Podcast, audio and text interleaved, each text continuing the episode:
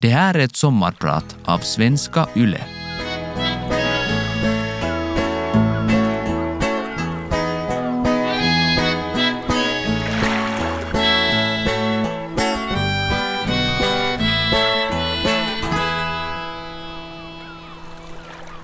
En outtröttlig fredsaktivist och miljökämpe. Det är jag. Stora delar av mitt liv har jag satt all ledig tid på aktivism på gräsrotsnivå. Det hela fick sin början när jag blev mamma, när min dotter Nathalie föddes år 1979 och det förstärktes ännu mer när min andra dotter Vanessa kom till världen år 1981. Har man satt barn till världen börjar man fundera över framtiden och naturligtvis eventuella barnbarn och hur världen ska se ut för dem. Och eftersom jag också blev lärare i Rudolf Steiner-skolan, mer eller mindre i misstag, och sen stannade kvar där ända till min pensionering och därefter också som vikarie, växte barnskaran betydligt. Fast egentligen kanske allt började ännu tidigare än så. Jag växte upp på en kombinerad bondgård, handelsträdgård, i Esbo och hade en supertrygg och härlig barndom. Med föräldrar som uppfostrade mig att stå för mina handlingar och reda ut trassel med lekkamrater. Mer eller mindre på egen hand. Mina lekkamrater var tre pojkar i min egen ålder så jag fick nog lära mig att vara rätt tuff. Någonting som jag verkligen har haft nytta av som miljöaktivist och fredskämpe. Till saken hör att jag är gift med en tysk och i Tyskland var på den tiden och är fortfarande miljömedvetenheten stor. Också atomkraftsmotståndet. Jag fick mycket material från Tyskland och ju mer jag läste på om kemikalier, radioaktivitet, atombomber, krig och svält, desto aktivare försökte jag engagera mig. I min stora förtvivlan sökte jag mig till partipolitiken. Först Svenska folkpartiet och sedan De gröna. Där jag till och med blev vald till partiets vice ordförande. Men sen tvingades jag, den hårda vägen via mycket sömnlöshet och svåra överväganden, att krypa till korset. Jag insåg att jag beträffande atomkraft, EU och fredsfrågor var helt kompromisslös. För partierna gäller det att säkra en plats i regeringen, att kompromissa och att kohandla. För mig fanns det allt för mycket som inte var förhandlingsbart. Mitt val stod mellan partipolitik, med risk för att bli tvungen att gå med på för mig oacceptabla kompromisser och medborgaraktivism med stor frihet. Jag valde aktivismen, friheten och det har jag aldrig ångrat. Inspiration och styrka fick och får jag fortfarande. Bland annat av de många musiker som tog och fortfarande aktivt tar ställning genom musiken. Och nu ber jag verkligen om ursäkt för att min låtlista innehåller så många manliga artister. Men jag blir kanske förlåten när ni hör de starka budskapen. John Lennons låt Imagine som beskriver en rättvis värld utan krig och hunger. Beskriver hans, men också min egen dröm. Jag heter Ulla Klötzer och jag är er sommarpratare idag. Drömmar som strömmar. I april år 86 inträffade atomkraftskatastrofen i Tjernobyl i Ukraina. Då var båda mina döttrar under skolåldern. Det var en mardröm. Allt jag hade läst om Majak-katastrofen i Sovjetunionen år 1957 och Harrisburg-olyckan i USA år 1979 bekräftades tusenfalt. Tio år efter olyckan, alltså 1996, besökte jag Tjernobyl och den öde staden Pripyat som i tiden hade cirka 50 000 invånare. Det var en hårresande upplevelse. Utrustade med skyddsdräkter, blyskor och skyddsmasker vandrade vi omkring på lekplatser, i skolor, bibliotek, där alla föremål låg kvar, kringspridda av vinden. I bostäderna stod alla möbler, fotografier, personliga tillhörigheter orörda. Ingenting fick föras ut från den dödsdömda zonen. Då mörka rökmoln från Datchor, som också fanns på området och som brändes för att invånarna inte skulle återvända till sina älskade trädgårdar, täckte himlen. Då kommenderades vi in i bussen. Till vilken nytta? Radioaktiviteten fanns ju överallt. Jag tackade min skapare att jag inte längre var i fertil ålder. Sedan inträffade olyckorna i Japan, Tokaimura år 1999 och Fukushima-katastrofen år 2011. Dessutom har det förekommit ett antal mindre och större radioaktiva utsläpp som vi nog aldrig kommer att få ordentlig information om. I mars 2011 listade tidningen The Guardian 33 allvarliga incidenter och olyckor för tidsperioden 1952 till 2011. Bland annat Sellafield, England 2005 och Fleurus, Belgien 2006. Dessutom har man i vårt närområde registrerat åtta olika incidenter i Sosnovyj Bor nära Sankt Petersburg mellan åren 1975 och 1992. För att inte tala om allt det radioaktiva avfall som har dumpats i haven på olika håll i världen. Det finns idag globalt cirka 450 atomkraftverk i 31 länder. Det producerar avfall som är radioaktivt i hundratusentals år, till och med längre. Inget land har ännu inlett slutförvaring av högaktivt avfall. Finland tror sig ha hittat lösningen och inleder år 2020 som första land i världen nedläggningen av det här dödliga arvet till kommande generationer i Onkalogrottan i Olkiluoto. Metoden som kallas KBS3 är densamma som Sverige planerar att ta i bruk men som inte har fått fullt godkännande av Mark och miljödomstolen i Sverige. I Finland står grottan så gott som färdig. Kritiken i Sverige har inte lett till någon som helst debatt i vårt land. I Sverige har man inte ens inlett byggande. I januari nästa år tar TVO sannolikt i bruk världens största, på många sätt skandalomsusade atomkraftsreaktor Olkiluoto 3. En fransk reaktor på 1600 megawatt. Nyckel i handen priset för det kalaset skulle vara 3,2 miljarder. Prislappen ligger nu kring det tredubbla på cirka 10 miljarder euro. Och projektet är dessutom över tio år försenat. Enligt Markus Herranen, analytiker vid Energia Portfolio Services, har förseningen på grund av det högre elpriset förorsakat konsumenterna, det vill säga dig och mig, kostnader som uppgår till flera hundra miljoner per år. Vad kunde man inte ha gjort beträffande förnybar energi för de här pengarna? Betydligt snabbare, säkrare och miljövänligare. Därtill vill Fennovoima bygga en rysk Rosatomreaktor i Pyhäjoki. Ett projekt som är minst fyra år försenat, vars pris har stigit i höjden och vars säkerhetskultur har kritiserats av Strålsäkerhetscentralen. Dessutom finns det på Hanhikiviudden i Pyhäjoki flera olika typer av naturskyddsområden. Norra Bottniska viken klassificerades därtill av FNs biodiversitetskonferens i Egypten år 2018 som ett av nio ekologiskt och biologiskt signifikanta marina områden i Östersjön. Fy skam för våra beslutsfattare, säger jag. Fy skam för Fennovoima. Marvin Gaye, som i låten Mercy Mercy Me sjunger om miljögifter, oljeutsläpp och radioaktivitet i luften och i marken, beskriver fullständigt det jag kände då atomkraftsolyckan inträffade i Tjernobyl. Tyvärr är låten ännu synnerligen aktuell. Bästa lyssnare, jag beklagar att det idag blir väldigt lite prat om sommarfrid och glada minnen. Situationen i världen tillåter oss inte att blunda längre. Vi måste ta itu med det problem som tornar upp sig framför oss. Det är vi skyldiga, våra barn och barnbarn. Det som bekymrar mig alldeles otroligt är att atomkraftslobbyn hänsynslöst försöker utnyttja klimatförändringen för att driva sina intressen. Nu också genom att föreslå små modulära reaktorer, stadsreaktorer, låter härligt. De här reaktorerna är sannolikt inte ekonomiskt tillgängliga förrän år 2030.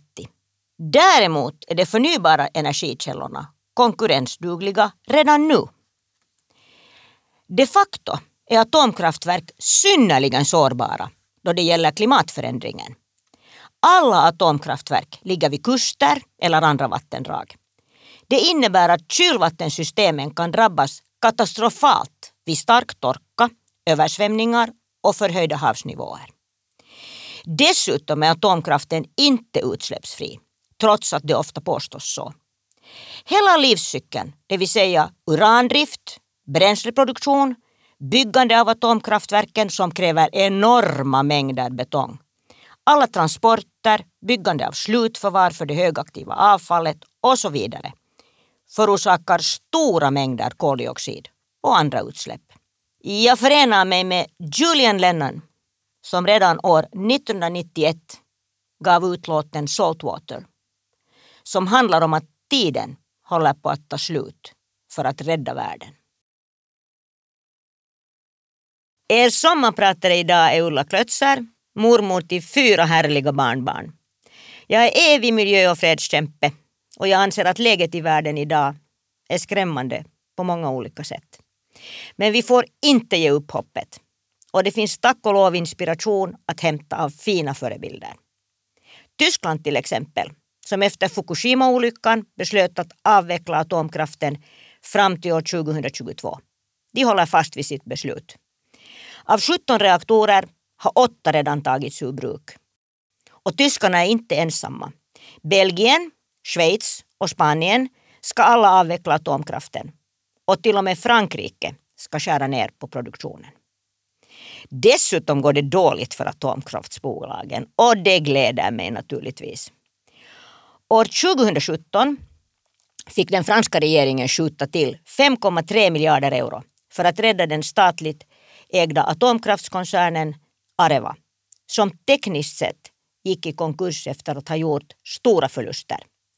Areva är det företag som har byggt Olkiluoto 3-reaktorn här i Finland. Och flera positiva nyheter. Wärtsilä, ett av Finlands mest framstående företag, flaggar för vindkraft. Företaget publicerade förra hösten en rapport enligt vilken vindkraft är det billigaste sättet att producera el. Och det framhävdes att det lönar sig för kommunerna att investera i vind och inte i atomkraft. Och i maj i år överlämnades till den nya riksdagen, regeringen och till STUK, Strålsäkerhetscentralen alltså, en petition mot atomkraft i Finland. Den hade undertecknats av 170 organisationer från runt om i världen. Den petitionen fick de pyttesmå urfattiga rörelserna där jag är aktiv, det vill säga Kvinnor mot atomkraft och Kvinnor för fred, till stånd genom segt arbete och goda kontaktnät. Samtidigt överlämnades också en svensk petition med närmare 40 000 personunderskrifter mot Fennovoima-projektet. Den hade åstadkommits av den svenska rörelsen Kärnkraftsfritt Bottenviken. Under årens lopp har mitt liv berikats otroligt av rörelser som Kärnkraftsfritt Bottenviken och alla de starka och modiga personer som jag har träffat runt om i Europa på demonstrationer, konferenser och andra happenings. Människor som har vikt en stor del av sina liv för miljö och fredsarbete och för en rättvis fördelning av jordens resurser. Människor som inte är rädda för att bli kallade naiva och okunniga. Som är beredda att sitta i finkan och till och med avtjäna fängelsestraff. Och kanske bli illa behandlade av polisen, både fysiskt och psykiskt. Människor som tillbringar en stor del av sina liv med att hålla sig up to date med det som händer i världen. Och som får betala en stor del av sin verksamhet ur egen ficka. Själv har jag suttit i finkan två gånger. En gång i Tyskland i en så kallad finkabuss några timmar och en gång i Rauma i samband med en demonstration mot Olkiluoto 3-bygget. Då blev jag nappad av polisen redan 20 före 7 på morgonen och släppt klockan fem på eftermiddagen. Matsäcken fick vi, en grupp på cirka 30 personer, lämna utanför. Det var helt okej. Okay. Men att hela dagen låta oss sitta på ett kallt cementgolv då golvmadrasser stod staplade i utrymmet mittemot. Och att lämna oss utan vatten hela dagen, det var nog svineri från polisens sida. Två gånger har jag stått inför rätta på grund av atomkraftsmotstånd. Och 1987 blev hela gruppen på 25 kvinnor frikända då rätten ansåg det vara motiverat att vara bekymrad över atomkraften. Finka-historien år 2012 ledde däremot till 300 euro i böter. Men tillbaka till det positiva. Jag har fått hälsa solen klockan fem på morgonen i Nevadaöknen. Till ljudet av starka trummor. Och i sällskap med Shoshone ursprungsamerikaner. På ett Moder jordläger. Där ett par hundra ursprungsamerikaner och en handfull andra diskuterade och med egna ögon fick se gruvbolagens hänsynslösa framfart. Det får mig att tänka på Talvivaara och Terrafame i vårt eget land. Som inte bara har kostat skattebetalarna hisnande summor utan också allvarligt har förorenat stora landområden och vattendrag. Den vördnad för Moder Jord som Shoshonefolket, så som många andra ursprungsbefolkningar visar. Deras förmåga att se de stora sambanden och att inte ge upp kampen trots att de behandlas respektlöst och illa av sina regeringar och av gruv och andra företag är något som har lämnat djupa spår i mig. Respekten för allt levande och även för urberget. Michael Jacksons Earth Song från år 2009, hans sista sång, beskriver mycket av den smärta som jag och många av mina medkämpar känner inför Moder Jords öde. Naturens bedrövliga tillstånd, svältande barn, krig och elände. När man vet hur torka och svält härjar i olika delar av världen, hur hänsynslösa krig förs i kampen om naturresurserna, hur fruktansvärt orättvist de ekonomiska resurserna är fördelade, hur allt det här leder till ökande flyktingströmmar, då förundrar det mig ständigt hur det är möjligt att så lite görs fastän en vettig omfördelning av resurser, en fredlig samvaro och omhändertagande av miljön faktiskt är helt möjligt. Världens totala militärbudget uppgick år 2017 till den astronomiska summan 1739 miljarder dollar. Tusen miljarder har 12 nollor. Total horror. Enligt en rapport från år 2015 från FNs globala nätverk för hållbar utveckling skulle hälften av de globala militärutgifterna räcka till för att, håll i er, uppnå hållbar utveckling beträffande hälsa, utbildning, jordbruk, tillgång till mat, tillgång till modern teknologi, vatten och sanitetsanläggningar, telekommunikation, transportinfrastruktur, ekosystem, humanitärt arbete och för att mildra klimatförändringen och vidta anpassningsåtgärder för den. Pengarna finns alltså, men den politiska viljan fattas. Krigsmaffian har lyckats med sin sataniska verksamhet. I Finland finns det långtgående planer för inhandling av nya jaktplan för 10 till 20 miljarder euro. Samtidigt har vi en skandalomsusad äldrevård, ett växande antal totalt slutkörda sjuk och dagvårdare och lärare på grund av för knappa personalresurser och usla löner. Och 110 000 barn lever i fattigdom i Finland. Listan kunde bli betydligt längre. Få se om landets nya regering inser att folkets välfärd är viktigare än stödet till världens mäktigaste industri, krigsindustrin. Även Elton John tycks ha funderat på det här. Och 1976 släpptes hans låt If there's a God in heaven där han frågar sig varför Gud inte ingriper då han, hon, hen ser vad som händer på jorden. Jag, Ulla Klötzer, uppretad medborgare, frågar mig varför inte politikerna ingriper. Men trots det skrämmande läget gäller det förstås att inte ge upp. Aldrig ge upp. Våren 2018 skickades ett upprop mot militariseringen av Östersjön undertecknat av 133 organisationer från alla Östersjöländer ut till alla regeringar, alla enskilda parlamentariker, EU-parlamentariker i hela Östersjöområdet och till ett stort antal myndigheter och institutioner engagerade i Östersjöfrågor. Det uppföljdes av ett evenemang i Stockholm i våras. I höst blir det Helsingfors, våren 2020 Tyskland och kanske Sankt Petersburg och så vidare. Vi tänker inte låta fredens budkavle vila. Aldrig, aldrig ger vi upp. Vi gör som de tusentals kvinnor i Israel och Palestina som i oktober 2016 i två veckors tid från norra Israel till Jerusalem tillsammans marscherade för fred under mottot March of Hope, hoppets marsch. Vi gör allt vi kan för att våra barn och barnbarn och alla barn i världen ska få leva i fred. Det har enorma utmaningar framför sig.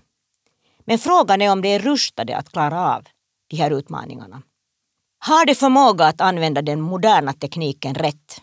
Eller låter det sig passiveras samhälleligt av den? Har det fastnat i spelens och twittrandets cyberspace? Har de unga inblick i vart världen är på väg? Har min generations vuxna en inblick? Har vi vuxna lämnat dem i sticket? Vi som har låtit allt det här ske. Från marschen i Israel och Palestina härstammar Jill Deckelbaums låt Prayer of the Mothers, mödrarnas bön, som borde spelas i riksdagen varje dag som en påminnelse om att det inte är nya jaktplan vi behöver, utan fred i världen. Miljögifter, radioaktivt avfall, risk för atomkraftsolyckor, atomvapen, robotkrig, militarisering, klimatförändring, plast i haven, flyktingar, fattigdom och svält. Planeten jorden mår inte bra och världens ledare står häpnadsväckande handfallna. Eller har de hamnat i händerna på hänsynslösa krafter. Och den förändringskrävande kritiska massan bland befolkningen är ännu för liten.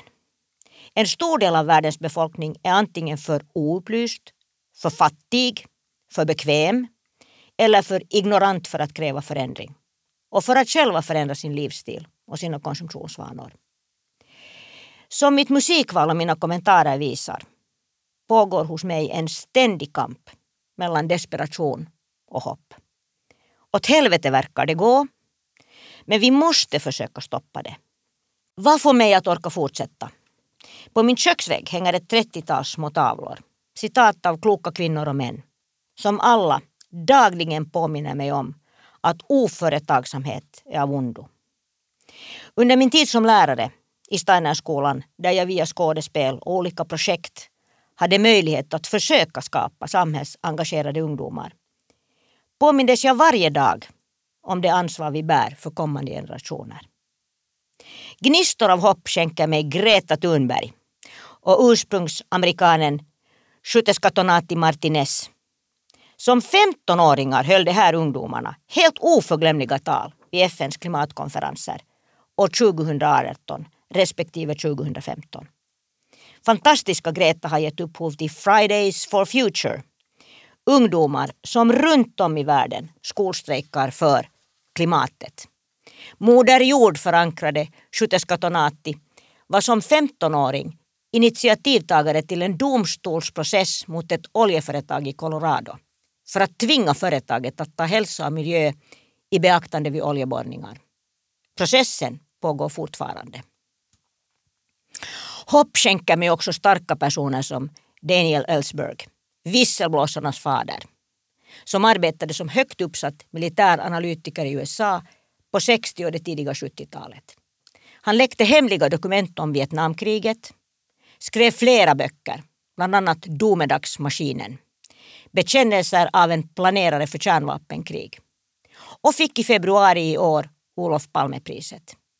Han uppträdde i Skavlan i TV, ni kanske såg honom där. Modiga visselblåsare finns också i Ryssland. Alexander Nikitin satt år 1996 fängslad, nästan ett år, efter att ha offentliggjort ryska militärens radioaktiva dumpningar i Ishavet.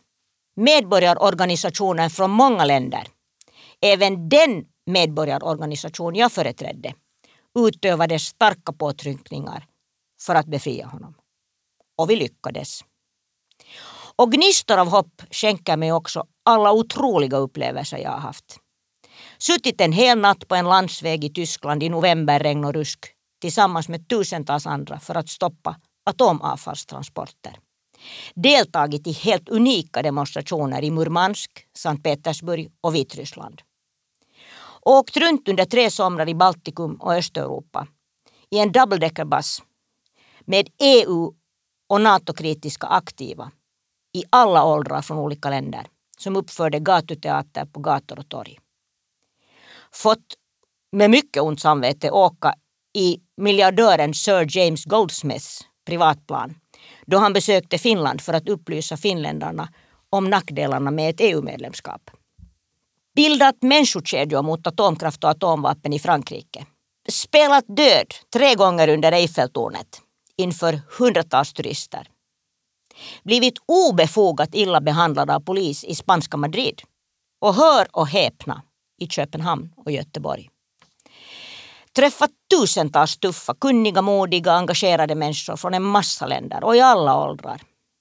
Som har gett mig modet, styrkan och viljan att aldrig, aldrig ge upp. Planeten jorden är alltför unik för att offras på krigsindustrins och konsumtionens altare. Och naturligtvis mina döttrar och barnbarn och alla barn i världen som enligt FNs barnkonvention artikel 6 har rätt till liv, överlevnad och utveckling. Med en rättvisare fördelning av världens resurser skulle inga barn, såsom den 12-årige libanesiske pojken Zain i filmen Kapernaum, behöva stå inför en domare i en rättssal för att han vill stämma sina föräldrar för att de har satt honom till världen. Jag önskar att jag kunde samla alla mina härliga barndomsminnen i en gigantisk magisk säck. Och istället för radioaktiva moln och bomber sprida ut innehållet till alla barn i världen. Fågelkvitter och blåsippor, saft och bulle på höåkern, smultron på strån, blåbärsfläckar på tröjan, buketter av granna höstlöv, gnistrande snökristaller och stjärnklara vinternätter. Visst lönar det sig att leva på små gnistor av hopp. Jag hoppas att jag har kunnat förmedla de här gnistorna till er, trots den dystra undertonen. Jag, er sommarpratare idag, Ulla Klötzer, avslutar mitt sommarprat med Louis Armstrong. What a wonderful world. En hyllning till vår unika, underbara värld som vi alla tillsammans måste rädda.